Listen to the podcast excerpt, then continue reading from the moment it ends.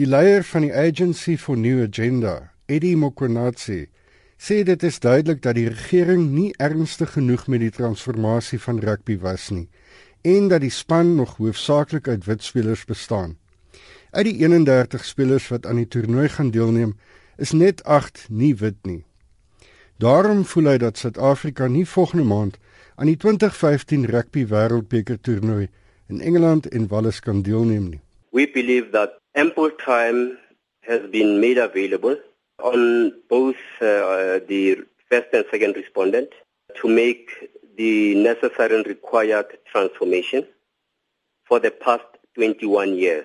And uh, it is our belief that they have uh, abdicated on their duties to act in a manner that promotes our constitutional values of equality, more importantly, a constitution that recognizes that we have a very, very bitter and terrible past and joins us as all South Africans to do everything to get rid of any manifestation or vestiges of racial past, racial discrimination and policies that exclude other people on the basis of race.